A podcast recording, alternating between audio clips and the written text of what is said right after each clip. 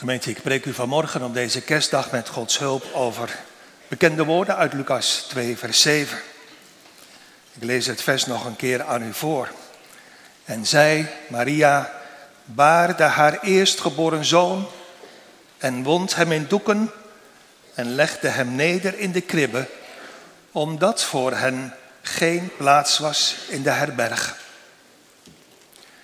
De preekgemeente gaat over de bekende woorden uit het tweede stukje van dat zevende vers. En bond hem in doeken. Daar ga ik straks een paar dingen over zeggen, maar eerst even iets anders. Kerst, jongens en meisjes, lijkt een mooi feest. Van mooie lichtjes, van thuis gezellig de open haard aan, als je die tenminste hebt. Van gezellig bezoek van familieleden, van opa en oma, als je die nog hebt. Van lekker eten met elkaar. Omdat er iets heel moois gebeurd is, toch? Klopt. Maar zeg eens, waarom gebeurde er iets heel moois? Omdat er heel lang daarvoor iets heel ergs gebeurd was. Iets wat wij deden. De Heere God had ons gemaakt, had ons geschapen in het paradijs. Hoe eigenlijk? Daar heb je vast wel eens over nagedacht. Wat denk je? Schiep de Heere God de mensen, man, vrouw, Adam en Eva, met kleren aan? Ja, of? Nou, we zullen het zo meteen zien. Maar wat waren ze gelukkig, Adam en Eva? De Heer hield zoveel van ze. En zij hielden zoveel van de Heer. Ze hadden hem zo lief. En de Heer was altijd dicht bij hen. En zij leefden altijd iedere dag dicht bij de Heer. Bij de Heer, de machtige schepper van alles. Ook van hen beiden. Zijn heerlijkheid, zijn glorie en majesteit straalde om hen heen. Precies zoals bij de herders in de nacht in de velden van Efrata. Dat was eigenlijk hun kleed. Dat waren hun kleren. Ze waren bekleed met de heerlijkheid, met de majesteit, met de glorie van God, hun schepper. En dus zo gelukkig. Totdat, dat weet je, totdat er iets verschrikkelijks gebeurde. Adam en Eva in het paradijs luisterden heel bewust niet naar wat de Heer had gezegd. En ze aten toch van de boom in het midden van het paradijs. Ze zondigden tegen God. En, dat had de Heer gezegd, moesten de dood sterven. En toen, toen dat net gebeurd was, toen ineens, toen keken ze naar zichzelf en naar elkaar en zeiden ze, onze kleren zijn weg. Dat kleed wat we van de Heer gekregen hebben, zijn we kwijt. Het kleed van Gods heerlijkheid. Ik bedoel, je moet even denken aan een andere geschiedenis in de Bijbel. Denk maar, ik ga twee voorbeelden noemen. Denk maar aan Mozes die geklommen is op de berg Sinai. Daar krijgt hij van de Heer de wet van de tien geboden. Veertig dagen is hij op de berg met de Heer. En als je dan terugkomt van de berg naar beneden, dan zien de mensen het vel van zijn gezicht glinstert helemaal. Je ziet niet gewoon zijn huid, maar zijn gezicht schijnt, straalt van licht. Hij straalt iets af van het licht dat van Gods aangezicht straalt. Dat licht, die glans, was eigenlijk het kleed dat ze mensen zagen. Omdat hij bij God geweest was. Adam en Eva leefden voor de zondeval, ook dag in dag uit, heel dicht bij God. En ook zij, we weten niet hoe dat er precies uitzag, maar hadden zonder twijfel iets waarvan wij zouden zeggen, kijk, kijk, ze dragen niet gewone kleren zoals wij, maar ze dragen het kleed van Gods beeld, van zijn grootheid. van zijn licht.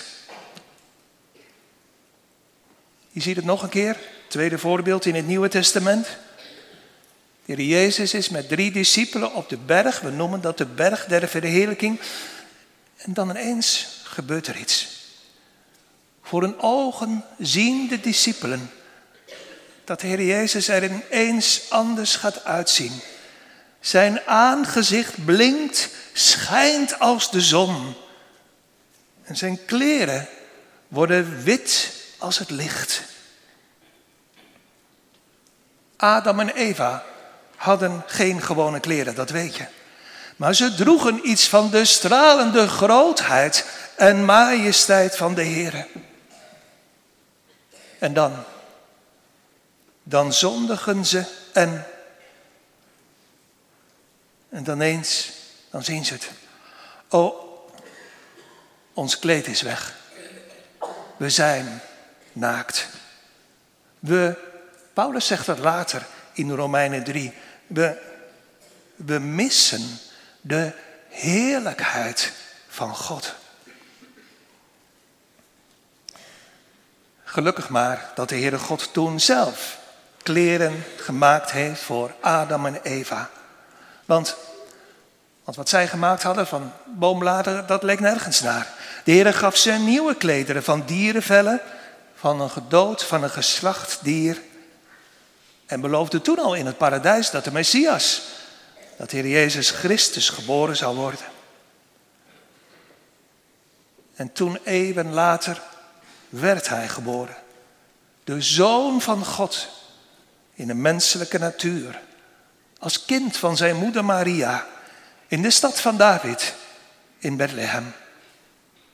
En zij baarde, ze kreeg haar kindje, haar eerstgeboren zoon en bond hem in doeken en legde hem neer in de kribbe, omdat geen plaats was voor hen in de herberg.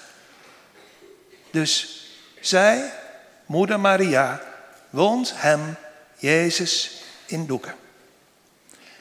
En daar, jongens en meisjes, ga ik vanmorgen een paar dingen over zeggen. Je hoeft ze niet allemaal te onthouden als je maar wel probeert, en ik zie dat je dat doet, als je maar wel probeert om heel goed te luisteren. Moeder Maria woont hem in doeken. Dat is als eerste een bewijs van onze zonde. En dus moeten we, als we daaraan denken, ons bij onszelf diep schamen. Kindje Jezus is geboren. Zoals ieder kindje, zonder kleren. En mama Maria neemt doeken, stroken, repen van stof en kleedt haar baby aan. Wikkelt hem lekker in, lekker warm, want het is koud, in stroken van stof, in, zo noemen we dat, doeken. Ja, dat is mooi om aan te denken. Jongens en meisjes, maar je moet niet vergeten, probeer daar ook aan te denken. Dit wijst vooral terug naar het paradijs waar ik het net over had. Toen het nog goed was tussen de Heere God en Adam en Eva. Toen hadden zij geen kleren van stof nodig. Maar dat dat vanaf toen wel zo is, dat alle kleine baby's kleedjes aankrijgen, is een teken en bewijs van onze zonde. Daar moeten we ons stil diep voor schamen. De Heer Jezus wilde geboren worden zoals wij. Omdat wij dat kleed van de glanzende heerlijkheid van God kwijtgeraakt zijn. En door de Heer zelf aangekleed moesten worden. Daarom moet ook de Heer Jezus, en dat wil hij ook, door zijn moeder Maria aangekleed worden.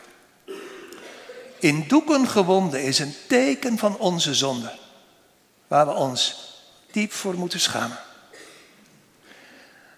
Maar het is, en dat is het tweede wat ik ga noemen, ook een teken dat de Heer Jezus echt kind was.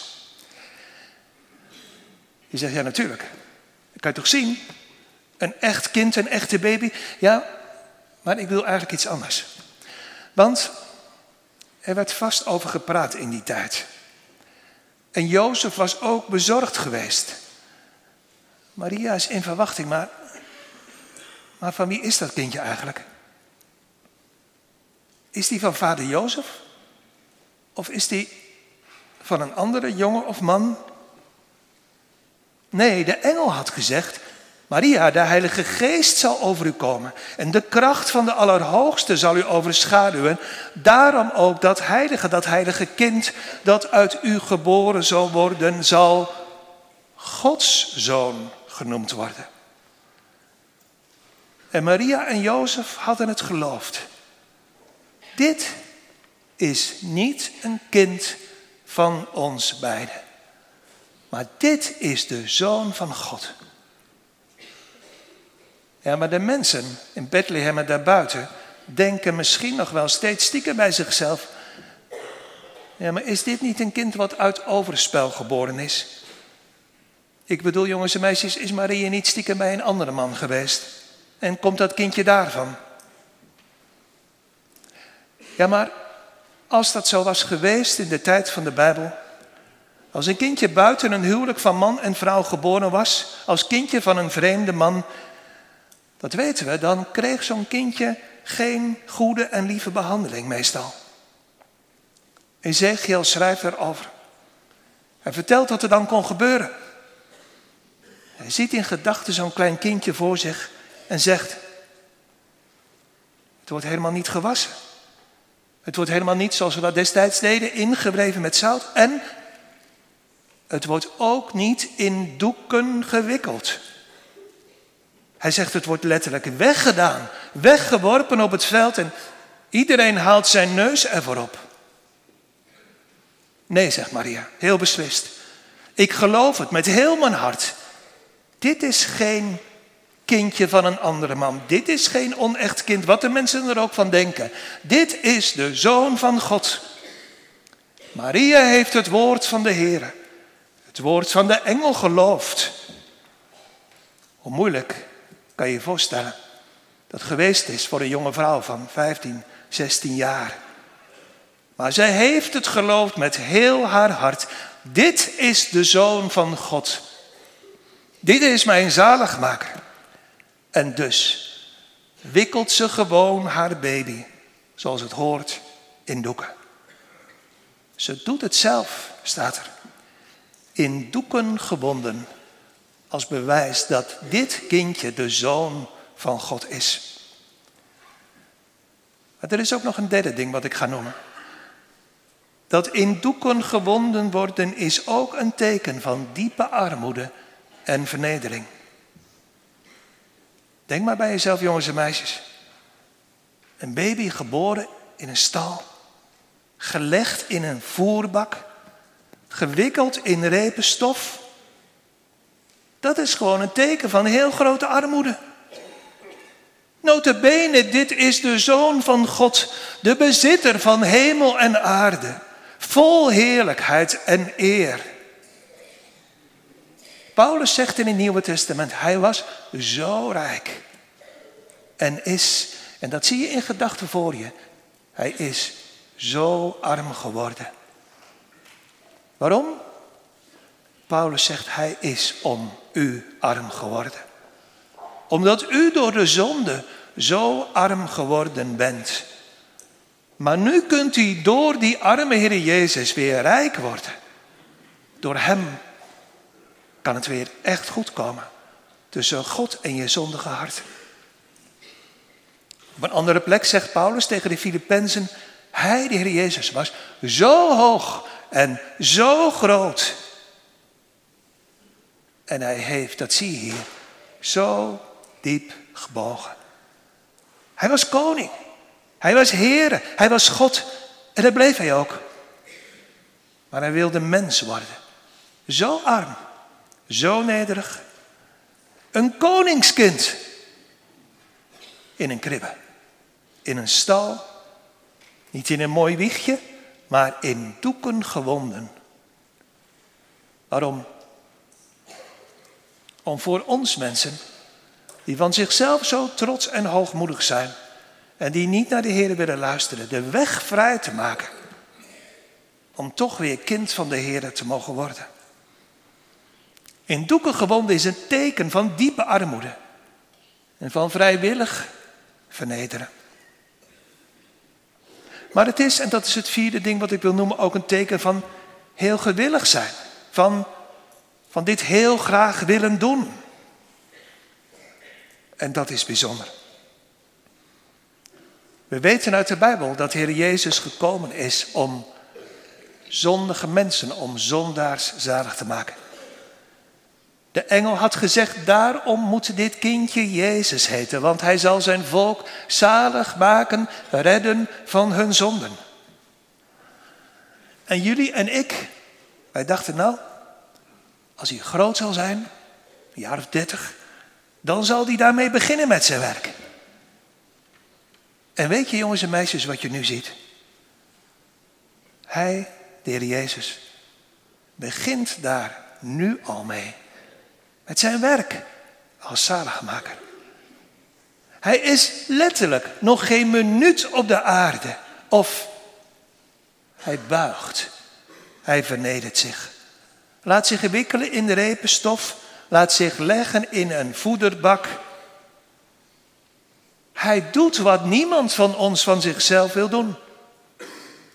Hij buigt.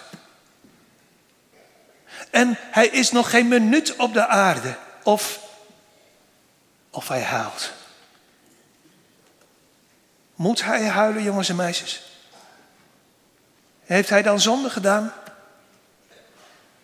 Waarom heeft dit kindje dan verdriet? En waarom moet hij dan huilen voordat hij drinkt bij zijn moeder? Hij moet niet buigen, want hij is God. Maar hij wil buigen. Hij moet niet huilen, want hij heeft geen zonde, maar hij wil huilen. Omdat hij zo gewillig is. Ik bedoel, omdat hij zo graag wil doen wat hij moet doen. Om zondige mensen terug te brengen bij God. Dat was het vierde. Maar er is ook nog een vijfde ding. Maria wond hem in doeken. Dat is een teken dat de Heer, de Heer Jezus die geboren is, niets van ons wil hebben. Want, ja, zijn vader en moeder waren arm. Jozef en Maria, maar, maar zijn vader in de hemel had toch een goed plekje voor hem kunnen regelen. Toch, jongens en meisjes? In het paleis van Herodes? Of in een prachtige villa, of in een hele prachtige, mooie herberg. Ja, dat had gekund. Maar dat wilde de Heer Jezus niet. Het was niet alleen zo dat hij arm wilde worden en diep wilde buigen vanaf zijn geboorte. Maar er was ook nog iets anders. Hij wilde en wil nog steeds onze rijkdom niet. Het is niet alleen een vrijwillige keus van de Heer om hier geboren te worden, in doeken gewikkeld en gelegd in de kribben, maar het is tegelijkertijd, en ik hoop dat u dat met me meevoelt, een afwijzing van onze rijkdom. Het is alsof de Heer Jezus zegt, die luxe, dat, dat hoef ik niet. Ik hoef al dat mooie van deze zondige wereld niet. En ik ben ook helemaal niet onder de indruk van alles van jullie. Wil je misschien met mooie kleren op bezoek komen bij een prachtige wieg? Blijf dan maar thuis. Dan moet je bij mij, bij de Heer Jezus, niet zijn. Want voor zulke mensen heb ik toch geen waarde. Maar ben je arm in je hart? Dan durf je vast wel aan te kloppen bij een beestenstal. Herders, jullie durven vast niet naar het paleis van koning Herodes, waar alles zo mooi is en zo duur en zo prachtig. Maar kom maar, naar de stal. Want daar staat de deur wagenwijd open voor armen. Dus jongens en meisjes, wat betekent dat nu als ik zeg dat de Heer eigenlijk niets van ons wil hebben? Dat betekent dit. Als je in je hart bij jezelf denkt dat je goed bent, omdat je zo netjes bent, omdat je zo goed je best doet, omdat het, denk je, niet zo erg is met je zondige hart, ja, dan is het vandaag wel kerst, maar Zeg maar eerlijk, toch? Dan, dan heb je voor je gevoel de Heer Jezus eigenlijk niet zo nodig. Het is wel fijn om aan te denken, maar het is niet zo dat je hart voelt dat je hem echt heel erg dringend nodig hebt. Dan is kerst gewoon een gezellig feest, gezellig thuis, opa en oma bezoek, lekker eten. Maar kerst is en wordt heel bijzonder. Voor mensen, voor kinderen, jongens en meisjes, bij wie het precies andersom is. Die zeggen, heren, dat weet u, want u kijkt in mijn hart. Ik, ik ben niet goed in mijn hart, ik ben slecht. Mijn zondige hart is zo slecht en, en nu is het kerst, maar dit dat u naar deze wereld wilde komen in zulke grote armoede, dat, dat is eigenlijk mijn schuld. Als ik denk aan de kribben, als ik denk aan de doeken waar u ingewikkeld bent, dan schaam ik me diep. Ik heb, heren, zeg je dat ook jongens en meisjes in je hart? Ik heb, heren, tegen u gezondigd. Heren, ja en dan komt het. Heren, ik heb niets goeds van mezelf. Ik heb niks. Ik ben arm. Als je dat zegt vanmorgen, terwijl je kijkt naar jezelf, heren, ik heb niks. Ik ben arm.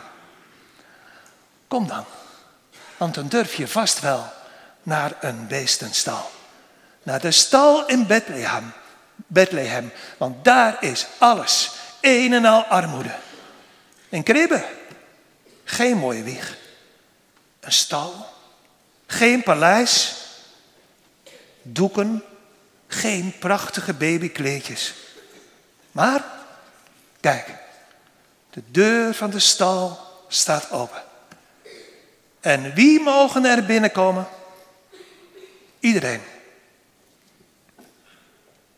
Iedereen. Maar, helaas, de meeste mensen willen niet. En de armen durven misschien wel niet. Maar nu mag ik vanmorgen de deur wagenwijd open doen en zeggen: Welkom, u allen. Welkom in het bijzonder, armen. Kijk, daar ligt de Heer uit de hemel, de zaligmaker, die arm geworden is voor mensen die niets hebben van zichzelf, voor mensen die geestelijk arm zijn, voor mensen die een hemelhoge schuld hebben. Nee, hij hoeft onze rijkdom niet. En hij zal onze trots niet strelen. Hij zal, zo zingt de dichter, nooddruftigen. Dat wil zeggen mensen in nood verschonen. Dat wil zeggen verlossen, vergeven. En armen uit genade zijn hulp tot verlossing tonen. Dat gaat in doeken gewonden. Dat is een teken, zo zei ik zojuist, dat de Heer echt niets van ons wil hebben. Maar er is ook nog een zesde ding. Het is als zesde ook bedoeld als troost. We hebben het zojuist gezongen. Over mensen in nood, nooddruftigen. Over de mensen die hulp nodig hebben. Die naar de hemel roepen, Heere, help me toch. Over armen, die de Heere uit genade zal helpen en zal verlossen. Moeder Maria had het van tevoren al gezongen. Armen heeft hij met goederen vervuld. Rijken leeg weggezonden. Dat, jongens en meisjes, is het wonder van kerst. De koning van de hemel komt als een arm kind in onze armoede. En dat is zo troostvol. Dat is bedoeld om zo je tranen te drogen, want wat betekent dat? Dat betekent als je thuis stilletjes tranen houdt in je hart of echt om je zonde. Dat betekent dat als je je arm voelt in je hart. Dat betekent als je tegen de Heer eerlijk moet zeggen, Heer, ik heb alleen maar zonde en ik heb zo'n slecht hart. Alsjeblieft, Heer, geef me toch een nieuw hart. Dan mag je, net als de herders, komen naar de kribben van Bethlehem. Ik zei het toch. Bij een koning durven de herders vast niet binnen te stappen. Maar hier wel. Herders, was tegen hen gezegd, dit zal uw teken zijn. Welk teken? Dat kindje draagt een kroon van fijn goud en kleedjes gestikt met zilverdraad. En hij ligt in een mooi geborduurde wieg van de mooiste stof en hij slaapt in een kamertje in het paleis van de koning. Oh nee, heer. Daar durf ik niet naartoe te gaan.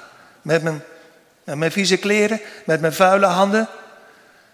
Nee, zo kan ik niet naar een koninklijk paleis. Nee, zegt de Heer, herders.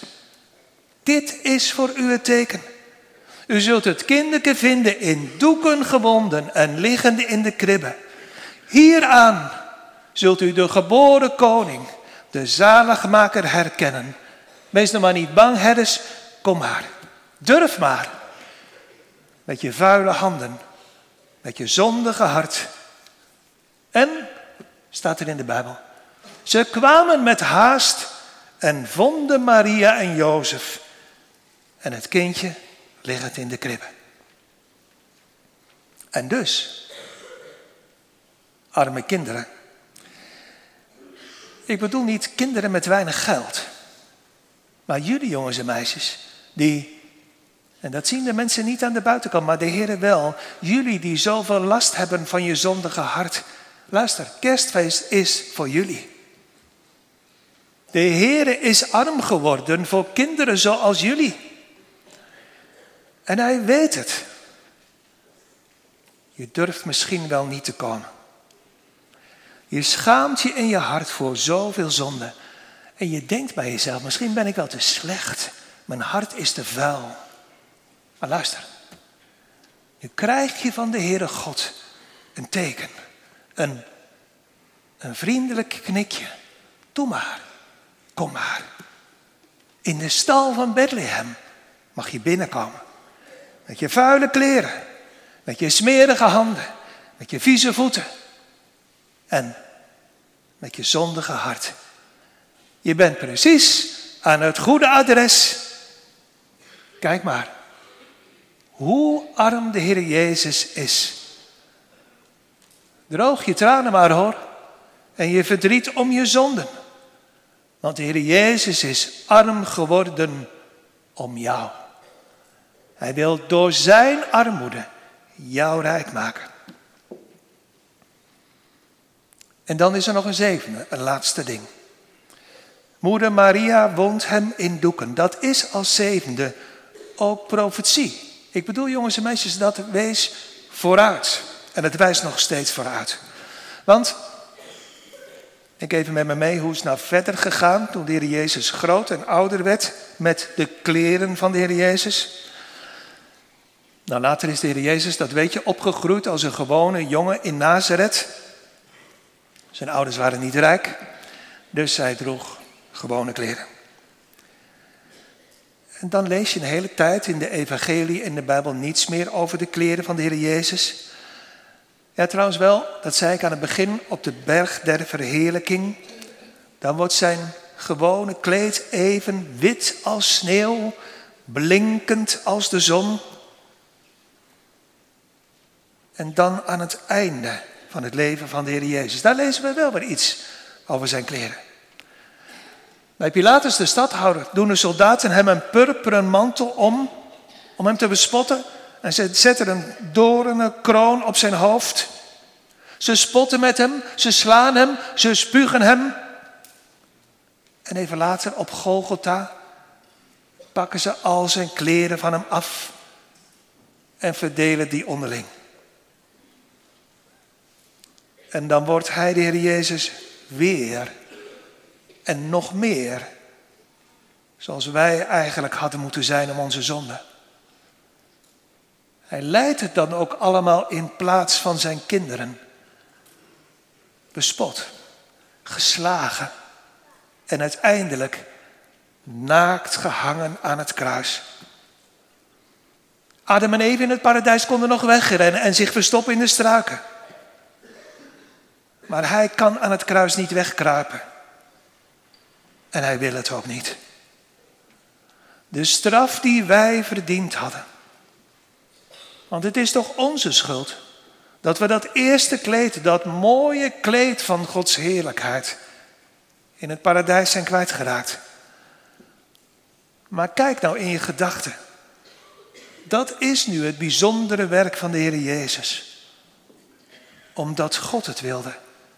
In het plan van zijn eeuwige raad, in zijn welbehagen. Daarom kwam de Heer Jezus, om dit te doen. En uiteindelijk dit allemaal te ondergaan. Om te lijden en te sterven in de plaats van al zijn kinderen. En dat weet je, nadat hij gestorven was, werd zijn lichaam opnieuw in doeken gewonden. En zo is hij uiteindelijk begraven. Dus, dat weet je nu, je probeert het te onthouden. Het begin en het einde van zijn leven liggen heel dicht bij elkaar. Zijn grote armoede en zijn diepe lijden begint in Bethlehem en eindigt straks op Goede Vrijdag op Golgotha. Maar dat, dat in doeken gelegd zijn in het graf was niet het einde. Na drie dagen is de Heer opgestaan uit de dood. Als koning heeft hij de overwinning behaald en hij is teruggegaan naar de hemel.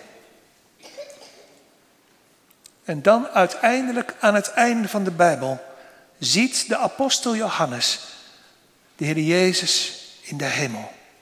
Hoe? In doeken gewonden? Nee, dan niet meer. Dan ziet hij hem als koning, bekleed met een lang kleed tot de voeten en omgord aan de borst met een gouden gordel. En schrijft Johannes, hij heeft op zijn kleed en op zijn dij deze naam geschreven. Koning der koningen en Heere der heren.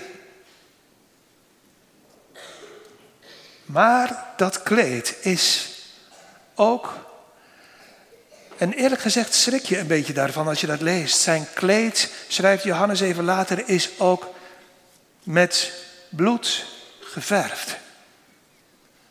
Zoals dat ook staat in het Oude Testament in Jezaja 63. Hij is rood aan zijn kleding. Aan zijn kleren zit bloed. Teken van oorlog. Teken dat hij als overwinnaar, als held bezig is om zijn vijanden te verslaan. En dat laat geliefde gemeente als laatste zien dat iedereen van ons op één van deze twee manieren kan en moet en zal bukken voor deze koning Jezus. Als je je bij jezelf rijk voelt, dan ga je de stal niet binnen. Dan buig je niet voor de Heer in de kribbe. En als je te druk hebt met alles van deze tijd, is er geen plaats voor de Heer in de herberg van je hart, dan, lieve mensen, moet je vrezen. Dan moet je bang worden voor dit kind in de kribbe. Want er zit bloed aan zijn kleed. Het bloed van zijn vijanden. Wie niet buigen wil voor deze koning, zal verliezen. Zal verslagen en overwonnen worden. Maar als je als arm kind, jongens en meisjes, met een vies en vuil hart vanwege je zonde, rood van schaamte om alles wat je deed en om wie je bent, als je zo komt en vandaag en je leven lang bukt aan de kribben, dan zal, zei ooit de oude dominee Koolbrugge, dan zal je de fluisterstem horen. Laat de kinderen tot mij komen. Dan zal de Heer je rijk maken. Dan zal de Heer je geven wat je niet hebt. Alles wat je door eigen schuld bent kwijtgeraakt. Dan zal de Heer je geven uit genade een nieuw kleed. Het kleed van zijn heil. Het kleed van zijn zaligheid. En dan wordt het ook voor jullie, arme kinderen, echt kerst. Amen.